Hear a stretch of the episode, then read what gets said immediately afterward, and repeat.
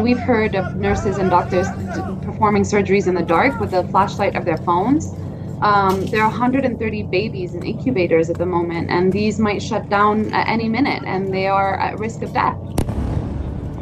The people of Gaza require sustained access to food, water, fuel, and healthcare.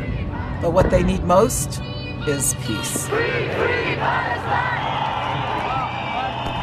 De oorlog tussen Israël en Hamas bereikte deze week de trieste mijlpaal van 10.000 doden. Elke dag sterven in Gaza 400 kinderen, gedood door de Israëlische bombardementen of door een gebrek aan hygiëne, voedsel en water. De gruwelijkste beelden gaan de wereld rond en velen van ons kijken machteloos toe. Wanneer stopt dit geweld? Waarom wordt er niet meer gedaan om de beide partijen tot een staakt het vuren te dwingen? En misschien vraagt u zich net als vele anderen wel af of u zelf iets kunt doen voor de slachtoffers. Daarover gaan we het hebben in deze aflevering. Mijn naam is Dries Vermeulen. Dit is duidelijk. Duidelijk, de morgen. Dag Martijn Lauwes, jij bent eindredacteur bij onze krant, maar daarnaast volg jij ook al heel erg lang op de voet dat Israëlisch-Palestijns conflict. Hè? Um, ik probeer het zo goed mogelijk te volgen, dat klopt. Ik ben er sinds 2004 ongeveer 13 keer uh, naartoe gereisd. Ja? Voor verschillende projecten met verschillende organisaties. Ik heb reizen begeleid naar de regio. Heel veel mensen al ontmoet, zowel in Israël als de Palestijnse gebieden. Ook voor de krant uh, naar de Gazastrook gereisd, drie jaar geleden. Naar Oost-Jeruzalem um, om reportages te maken. Heb je op dit moment ook nog contact met mensen daar? Ik heb contact met een aantal mensen in de Gazastrook, onder wie mijn fotograaf, um, met wie ik een, uh, een week heb rondgereisd. Hij zit in het zuiden, in de zogenaamde veilige zone. Ik stuur hem af en toe berichtjes. Ja?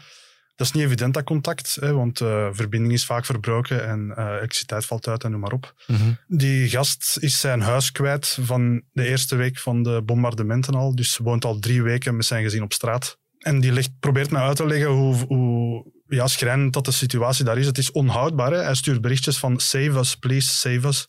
Hij snapt niet waarom dat de wereld de burgers van Gaza in de steek laat. Dat is echt zijn grootste bekommernis van hoe kan dit, wat hebben wij gedaan?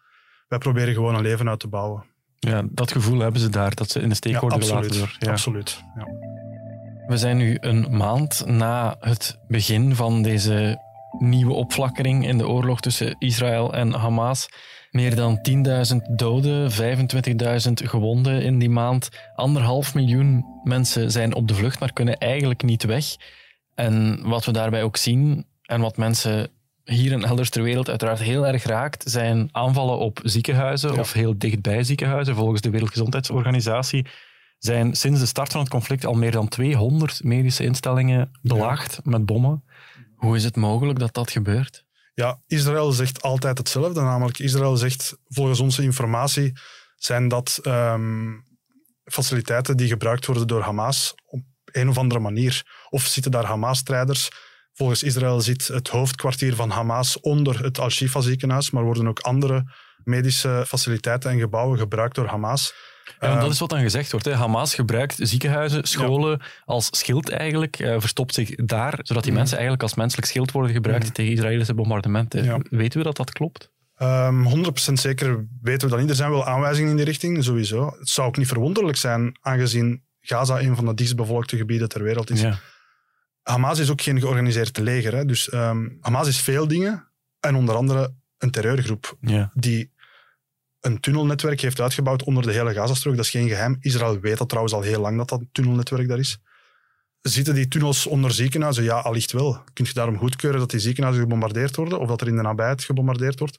Volgens heel veel internationale experts of experts van internationale wetgeving moet er proportionaliteit zijn. En weegt het niet op om duizenden burgerslachtoffers te maken, enkel en alleen om een aantal um, of om een terreurgroep uit te schakelen. Mm -hmm. Mensen worden uitgehongerd, er is geen voedsel, er is geen drinkbaar water, er zijn epidemies, er zijn ziektes, de riolen stromen over, mensen hebben geen, geen dak boven hun hoofd meer en de winter moet er nog aankomen. Dus het, het wordt alleen maar erger. This has been one of the hardest months in history for our people. And we're here knowing that we have a deep conviction that Palestine will be free in our lifetime.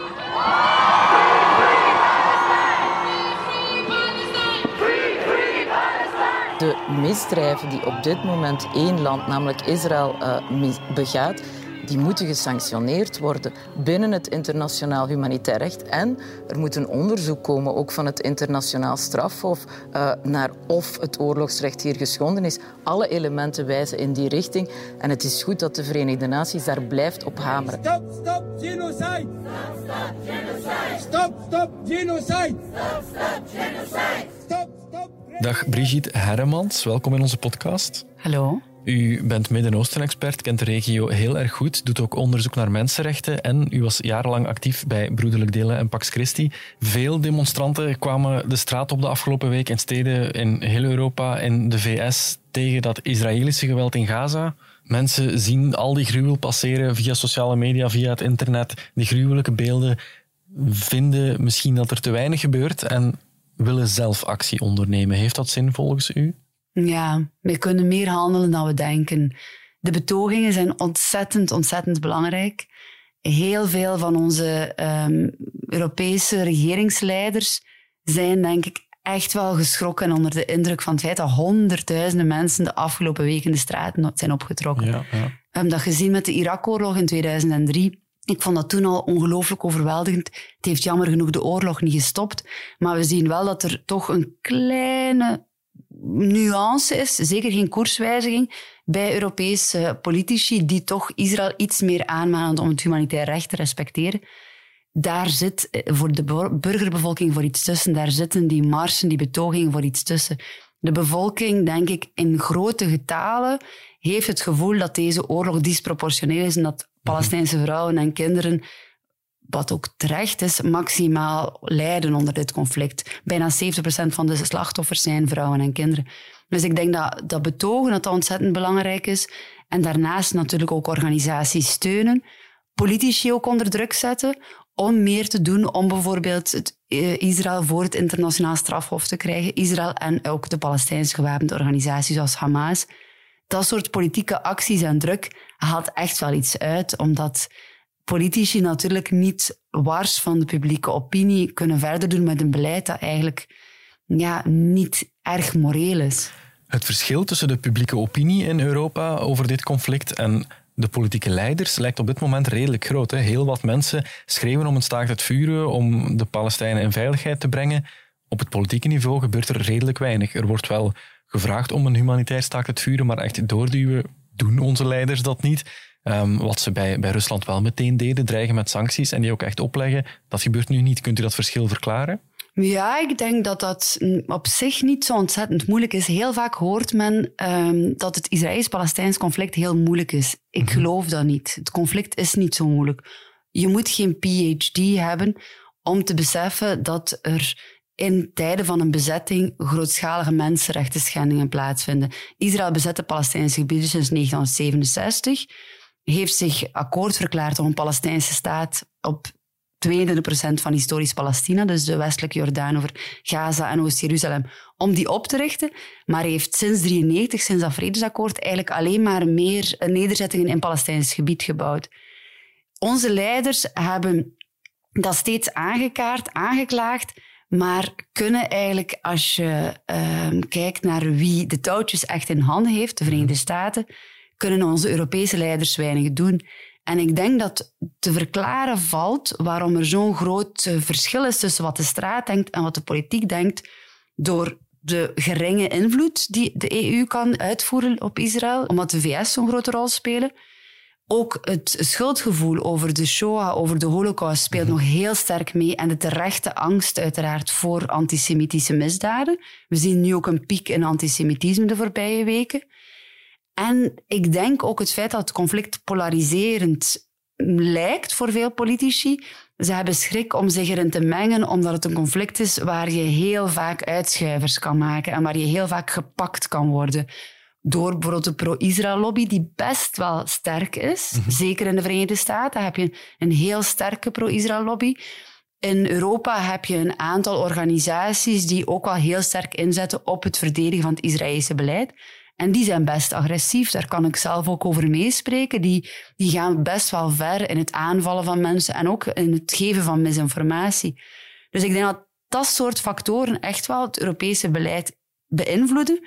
En natuurlijk ook nu heel specifiek de gruwel van Hamas. Ja. Wat op 7 oktober gebeurd is, die gijzelnemingen, die moorden, die massamoordpartij, heeft Europese leiders echt wel geschokt en ook Europese burgers. Maar Europese leiders zijn meteen meegegaan in de war on terror, terwijl de Europese burgers, denk ik, veel duidelijker begrepen van Israël gaat een brug te ver of vele bruggen te ver om zichzelf te verdedigen. En dit is geen verdediging meer, dit is eigenlijk wraak. Ja, en we zien dan inderdaad ook dat meer en meer mensen daartegen op straat komen. Bij ons in Brussel, in Antwerpen, in Charleroi, maar ook in Berlijn is er voorbije week een uh, grote, voor het eerst grote pro-Palestijnse betoging geweest. In Washington heel veel mensen op straat gekomen. En u zegt dat heeft ook echt een impact. Ja. Dat legt druk op dat politieke beleid. Absoluut. En dat maakt ook, en ik denk dat dat ontzettend belangrijk is, een heel groot verschil uit voor de eenzaamheid van de Palestijnen.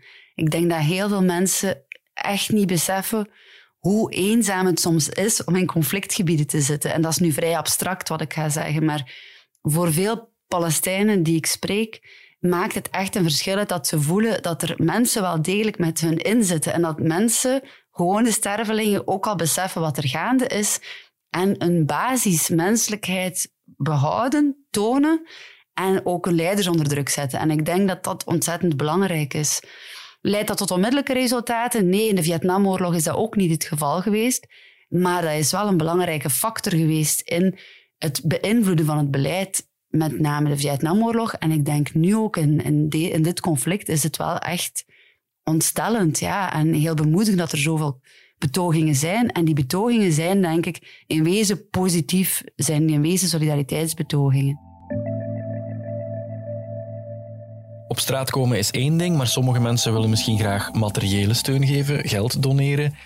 Eh, ik heb het misschien gemist, maar grote steunacties of benefietshows heb ik nog niet zien passeren. Ja, wel, er zijn er een paar. Eh, 404 heeft een heel mooie benefiet eh, georganiseerd afgelopen vrijdag ten voordele van Oxfam. En er volgen verschillende cultuurhuizen, NT Gent, eh, de Centrale. Ik ben van Gent, dus ik ken vooral de Gentse scène, maar ik zie echt wel dat er vanuit de culturele sector zeker eh, veel op gang komt. Ook vanuit de NGO-sector. Natuurlijk liggen nu de humanitaire operaties stil omdat er geen staakt het vuren is, omdat de bombardementen doorgaan. Maar er zijn drie organisaties eh, die actief zijn rond humanitaire hulp. Dus dat is natuurlijk verschillend van ontwikkelingshulp. Daar kom ik meteen op terug. Je hebt Oxfam, Handicap International en ehm, Artsen zonder Grenzen, die alle drie actief zijn op het terrein, maar dus nu eigenlijk hun acties moeten opschorten. Handicap International heeft wel nog een aantal eh, basismaterialen kunnen eh, verlenen en basismateriaal toedienen aan mensen in verschillende opvangcentra. Eh, maar Artsen zonder Grenzen heeft ook zijn acties moeten opschorten.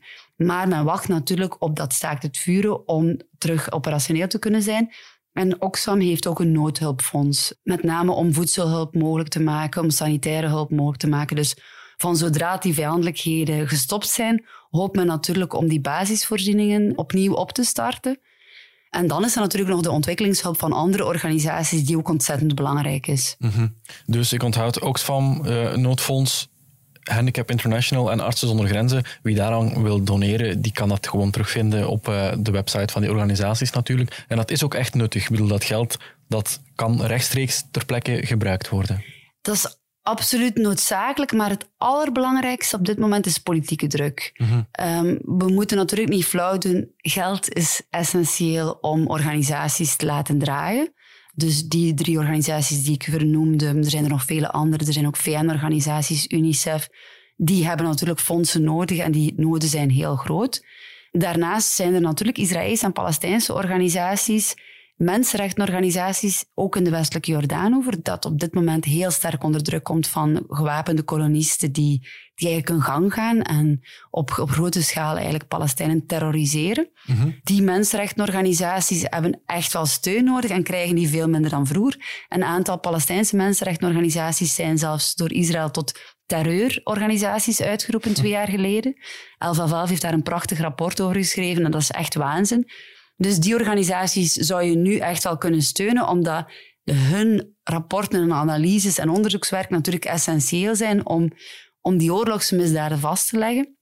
Maar het allerbelangrijkste, denk ik, op dit moment zijn die massale betogingen, ook acties van gewone burgers ten aanzien van politici, om te vragen om dat zaak het vuur te steunen en om Israël ook door te verwijzen naar het internationaal strafhof, naast Hamas en andere Palestijnse gewapende groeperingen. Want dat is de enige manier om eigenlijk ja, het respect voor het internationaal recht te doen gelden. En dus ook onze ogen er niet voor sluiten, erover blijven praten en hoe hard de beelden misschien ook zijn, ze blijven delen op sociale media, tonen wat daar gebeurt. Daarvan zegt u, dat is ook wel echt belangrijk. Ik denk dat het heel belangrijk is. En ik merk het ook wel ja, bij jongeren met wie ik spreek op de universiteit, ook uh, ja, hier thuis, dat dat echt wel leeft op sociale media. Ja. Um, dat er een soort van nabijheid is die men natuurlijk minder krijgt via ja, het geëikte nieuws of uh, het dagelijkse nieuws. Dus ik denk dat dat voor jongeren ontzettend belangrijk is. Wie dat bijvoorbeeld eerder zich geroepen voelt om druk uit te oefenen. Je hebt uiteraard um, de acties van Amnesty International die nog altijd doorgaan. Mhm. Amnesty heeft ontzettend knap werk geleverd rond oorlogsmisdaden vastleggen. 1111 heeft ook een aantal acties, waaronder ook steun natuurlijk voor het internationaal strafhof. Dus ik denk dat je via de gebruikelijke NGO's ook echt wel actie kan ondernemen, maar dan met name petities en dergelijke meer. Ja, Amnesty doet dat inderdaad vaak, die petities. Ook andere organisaties. Je moet dan gewoon op hun website je naam invullen, soms je e-mailadres opgeven en that's it. Dat is dan wel heel erg makkelijk, heb ik soms het gevoel. Heeft het dan ook echt een effect? Draag je echt iets bij op die manier? Absoluut. Opnieuw, dat zijn organisaties die echt wel gezien worden, die gehoord worden, ook in politieke kringen, ook door beleidsmakers, die zo'n stevige reputatie en kennis en expertise hebben, dat ja, hoe meer mensen eigenlijk zo'n petitie ondertekenen, hoe meer gewicht ze natuurlijk heeft. Ja. Uiteraard, uh, er blijven de economische, politieke, geopolitieke uh, belangen waar wij als burgers weinig invloed op hebben. Maar ik denk dat we soms vergeten dat, wat Hannah Arendt altijd zei, in grote tijden van duisternis, dat het gewone mensen zijn die vaak voor verlichting zorgen. Ja. En ik denk dat dat hier ook is, dat we met heel veel duizenden en misschien wel miljoenen zijn die echt wel vinden dat het anders moet en anders kan. En er zijn organisaties waarbij dat we onze, die stem kunnen laten horen. Dus ik denk dat dat meer dan ooit zin heeft.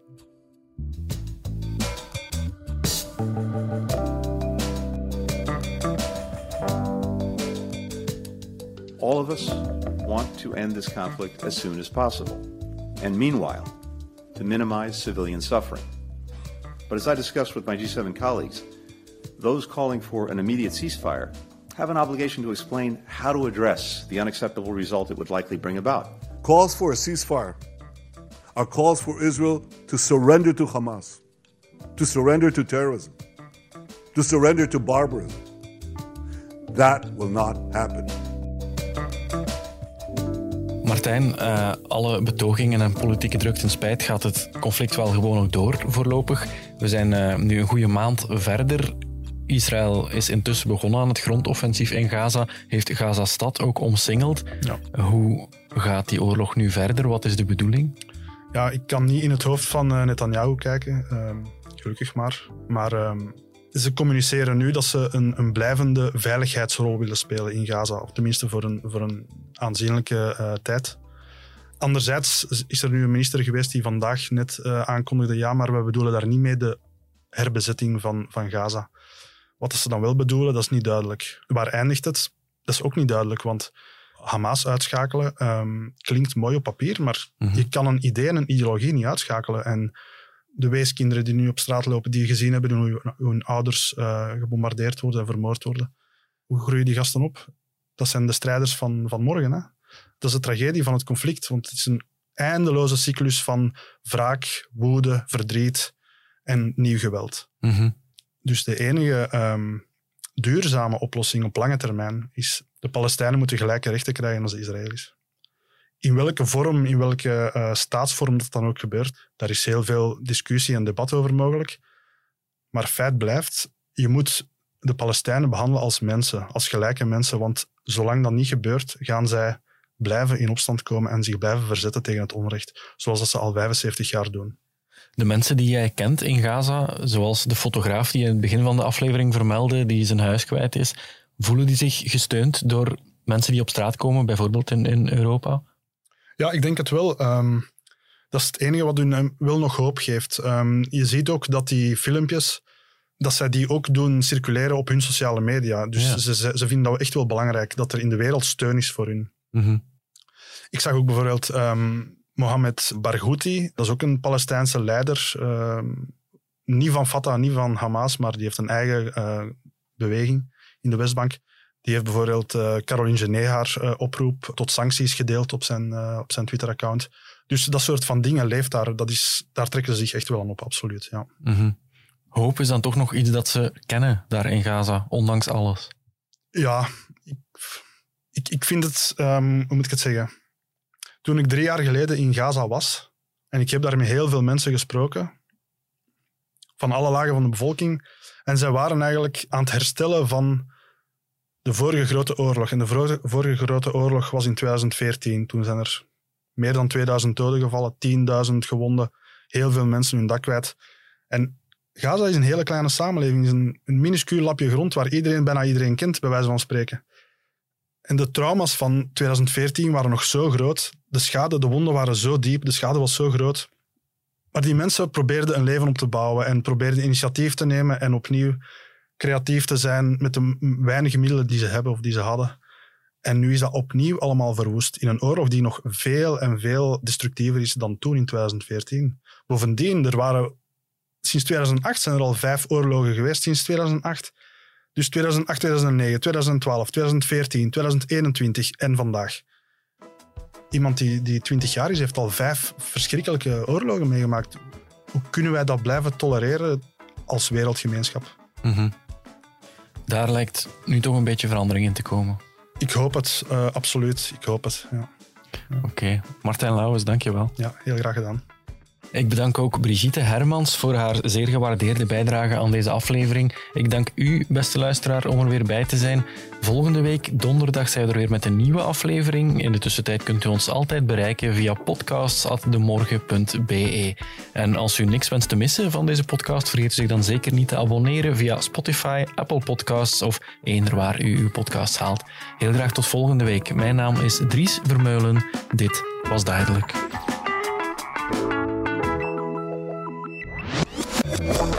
Duidelijk. De morgen.